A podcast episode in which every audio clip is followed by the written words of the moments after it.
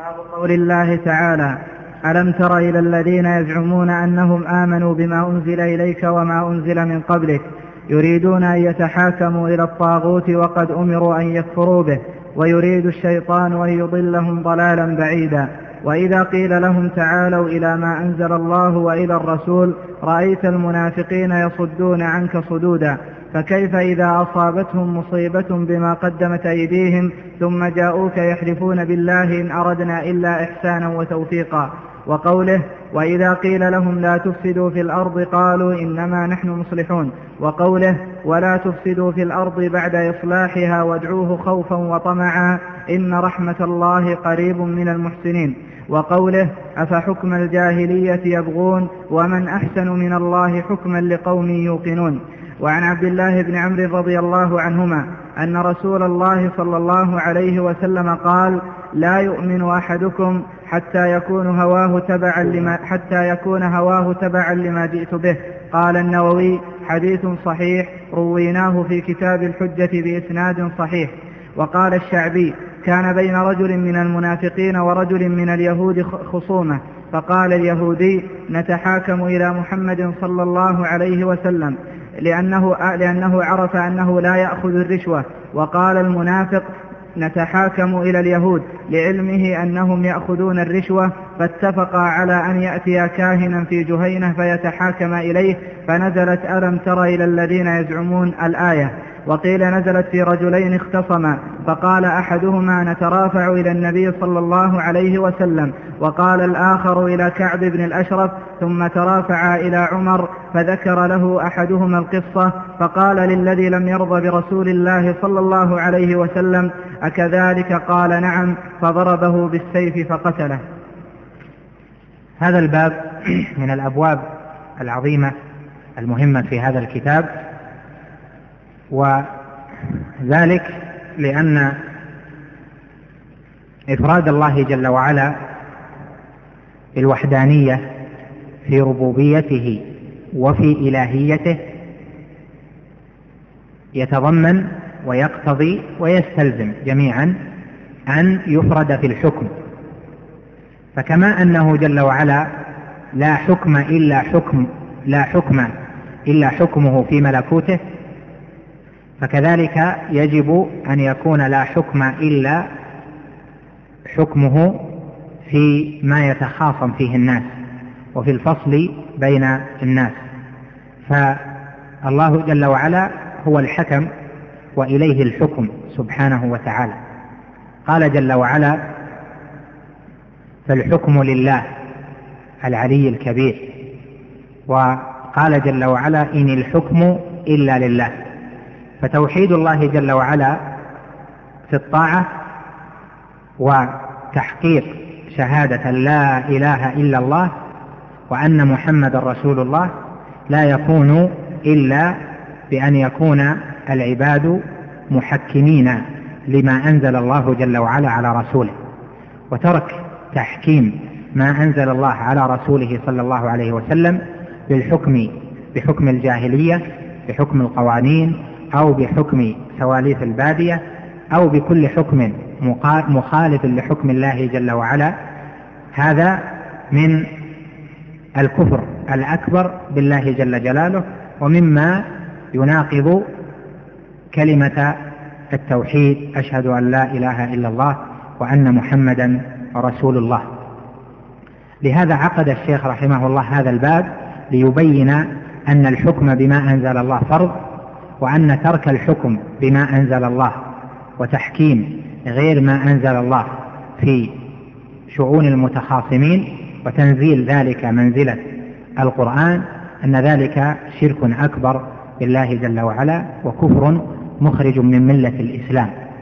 قال الإمام الشيخ محمد بن إبراهيم رحمه الله في أول رسالته تحكيم القوانين إن من الكفر الأكبر المستبين تنزيل القانون اللعين منزلة ما نزل به الروح الأمين على قلب سيد المرسلين ليكون حكما بين العالمين مناقضة ومحادة لما نزل من رب العالمين أو نحو ما قال رحمه الله تعالى.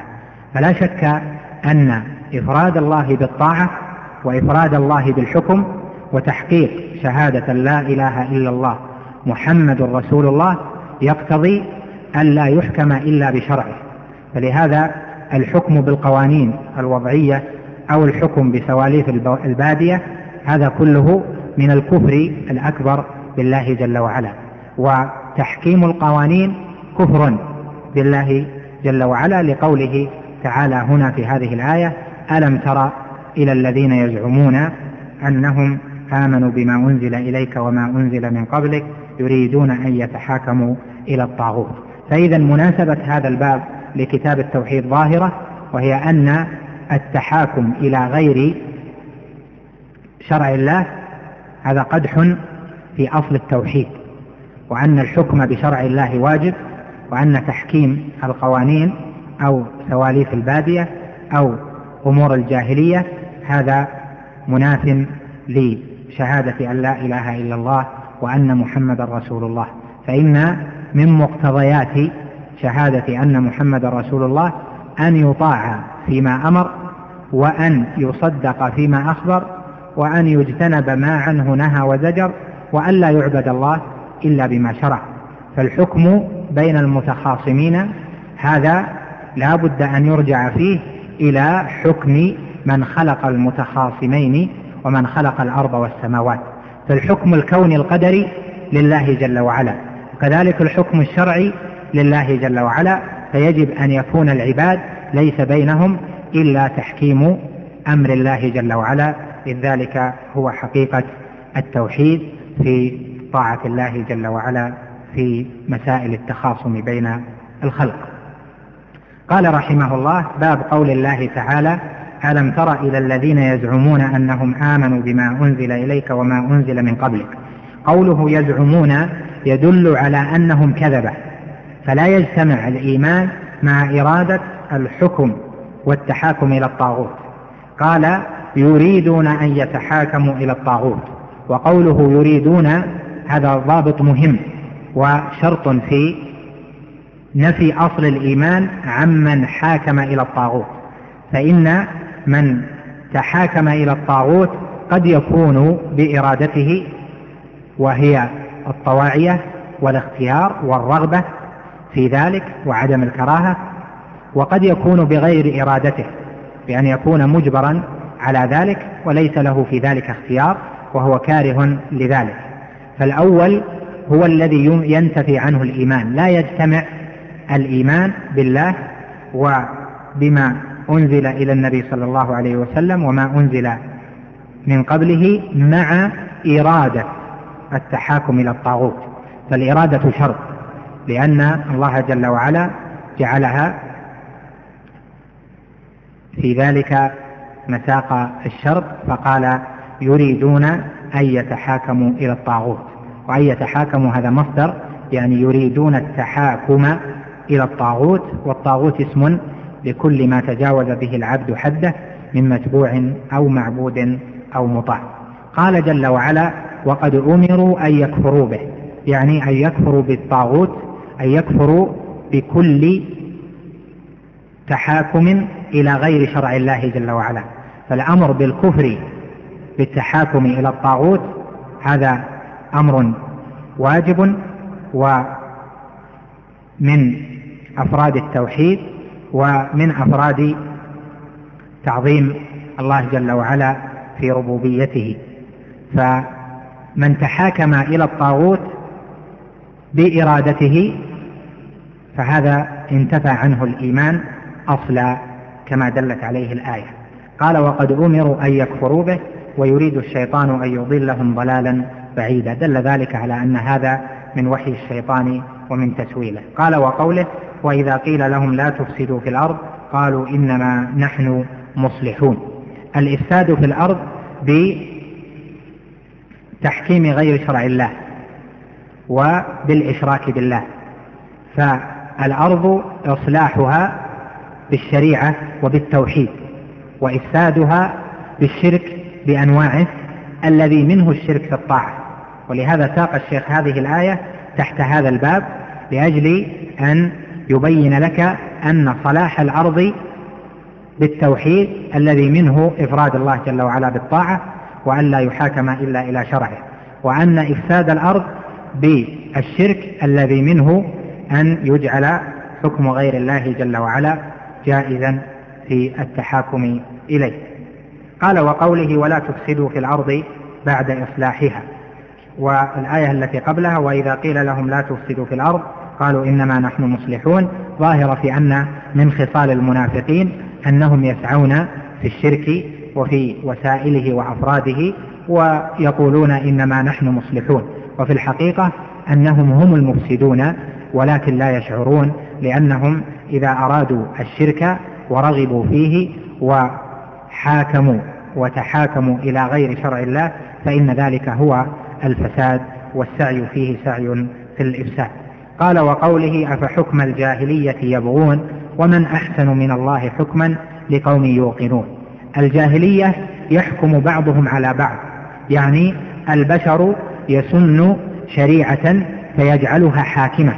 والله جل وعلا هو الذي خلق العباد وهو أعلم بما يصلحهم وما فيه العدل في الفصل بين تخاصماتهم والفصل في أقضيتهم وخصوماتهم. فمن حاكم إلى, الجاه إلى شرائع الجاهلية فقد حكم البشر ومعنى ذلك أنه اتخذه مطاعا من دون الله أو جعله شريكا لله جل وعلا في عبادة الطاعة. والواجب أن العبد يجعل حكمه وتحاكمه إلى الله جل وعلا دون ما سواه. والله جل وعلا حكمه هو أحسن الأحكام. أفغير الله أبتغي حكما وقال هنا ومن أحسن من الله حكما لقوم يوقنون فدل على أن حكم غيره إنما هو كما قال طائفة زبالة أذهان ونحاتة أفكار لا تساوي شيئا عند من عقل تصرف الله جل وعلا في ملكه وملكوته وأن ليس ثم حكم إلا حكم الرب جل وعلا. هذه المسألة وهي مسألة التحاكم إلى غير شرع الله من المسائل التي يقع فيها خلط كثير خاصة عند الشباب وذلك في هذه البلاد وفي غيرها. وهي من أسباب تفرق المسلمين لأن نظر الناس فيها لم يكن واحدا.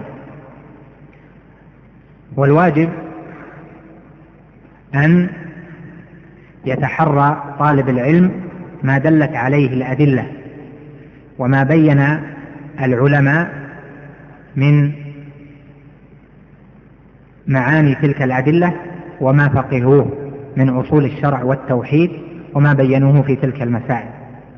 ومن أوجه الخلط في ذلك أنهم جعلوا المسألة في مسألة الحكم والتحاكم واحدة يعني جعلوها صورة واحدة وهي متعددة الصور. فمن صورها أن يكون هناك تشريع لتقنين مستقل يضاهى به حكم الله جل وعلا يعني قانون مستقل يشرع. هذا التقنين من حيث وضعه كفر والواضع له يعني المشرع والسان لذلك وجاعل هذا التشريع منسوبا إليه وهو الذي حكم بهذه الأحكام. هذا المشرع كافر وكفره ظاهر. لأنه جعل نفسه طاغوتا فدعا الناس إلى عبادته وهو راض عبادة الطاعة. وهناك من يحكم بهذا التقنين. هذه حالة ثانية. فالمشرع حالة. ومن يحكم بذلك التشريع حالة. ومن يتحاكم إليه حالة ومن يجعله في بلده من جهة الدول هذه حالة رابعة. فصارت عندنا الأحوال أربع. المشرع ومن أطاعه في جعل الحلال حراما والحرام حلالا ومناقضة شرع الله هذا كافر. ومن أطاعه في ذلك فقد اتخذه ربا من دون الله. والحاكم بذلك الحاكم بذلك التشريع فيه تفصيل. فإن حكم مرة أو مرتين أو أكثر من ذلك ولم يكن ذلك ديدنا له وهو يعلم أنه عاصم يعني من جهة القاضي الذي حكم. يعلم أنه عاص وحكم بغير شرع الله. فهذا له حكم أمثاله من أهل الذنوب ولا يكفر حتى يستحل. ولهذا تجد أن بعض أهل العلم يقول الحكم بغير شرع الله لا يكفر فيه إلا إذا استحل وهذا صحيح. ولكن لا تنزل هذه الحالة على حالة التقنين والتشريع. فالحاكم كما قال ابن عباس كفر دون كفر ليس الذي يذهبون إليه هو كفر دون كفر. يعني من حكم في مسألة أو في مسألتين بهواه بغير شرع الله وهو يعلم أنه عاص ولم يستحل هذا كفر دون كفر. أما الحاكم الذي لا يحكم بشرع الله بتاتا ويحكم دائما ويلزم الناس بغير شرع الله. فهذا من أهل العلم من قال يكفر مطلقا ككفر الذي سن القانون. لأن الله جل وعلا قال يريدون أن يتحاكموا إلى الطاغوت. فجعل الذي يحكم بغير شرع الله مطلقا جعله طاغوتا وقال وقد أمروا أن يكفروا به. ومن أهل العلم من قال حتى هذا النوع لا يكفر حتى يستحل لأنه قد يعمل ذلك ويحكم وهو في نفسه عاصي. فله حكم أمثاله من المدمنين على المعصية الذين لم يتوبوا منها. والقول الأول من أن الذي يحكم دائما بغير شرع الله ويلزم الناس بغير شرع الله أنه كافر هو الصحيح عندي وهو قول الجد الشيخ محمد بن إبراهيم رحمه الله في رسالة التحكيم القوانين لأنه لا يصدر في الواقع من قلب قد كفر بالطاغوت بل لا يصدر إلا ممن عظم القانون وعظم الحكم بالقانون. الحالة الثالثة حال المتحاكم. الحالة الأولى ذكرنا حال المشرع. الحالة الثاني حال المتحاكم. حال الحاكم. الحالة الثالثة حال المتحاكم. يعني الذي يذهب هو وخصمه يتحاكمون إلى قانون. فهذا فيه تفصيل أيضا وهو إن كان يريد التحاكم له رغبة في ذلك ويرى أن الحكم بذلك سائغ وهو يريد أن يتحاكم إلى الطاغوت ولا يكره ذلك فهذا كافر. أيضا لأنه داخل في هذه الآية ولا يجتمع ذلك كما قال العلماء إرادة الحكم وإرادة التحاكم إلى الطاغوت مع الإيمان بالله. بل هذا ينفي هذا والله جل وعلا قال ألم تر إلى الذين يزعمون الحالة الثانية أنه لا يريد التحاكم ولكنه حاكم إما بإجباره على ذلك كما يحصل في البلاد الأخرى أنه يجبر أن يحضر مع خصمه إلى قانون إلى قاض يحكم بالقانون أو أنه علم أن الحق له في الشرع فرفع الأمر إلى القاضي في القانون لعلمه أنه يوافق حكم الشرع. فهذا الذي رفع أمره في الدعوة على خصمه إلى قاض قانوني لعلمه أن الشرع يعطيه حقه وأن القانون وافق الشرع في ذلك فهذا الأصح أيضا عندي أنه جائز. وبعض أهل العلم يقول يتركه ولو كان الحق له. والله جل وعلا وصف المنافقين بقوله وإن يكن لهم الحق يأتوا إليه مذعنين.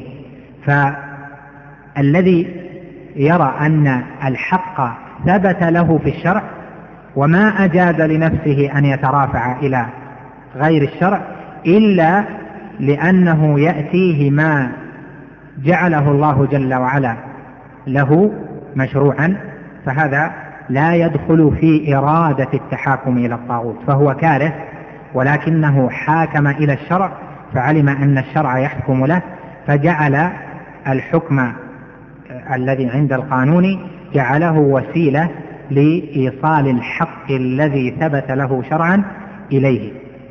هذه ثلاثة أحوال. الحال الرابع حال الدولة التي تحكم بغير الشرع. تحكم بالقانون.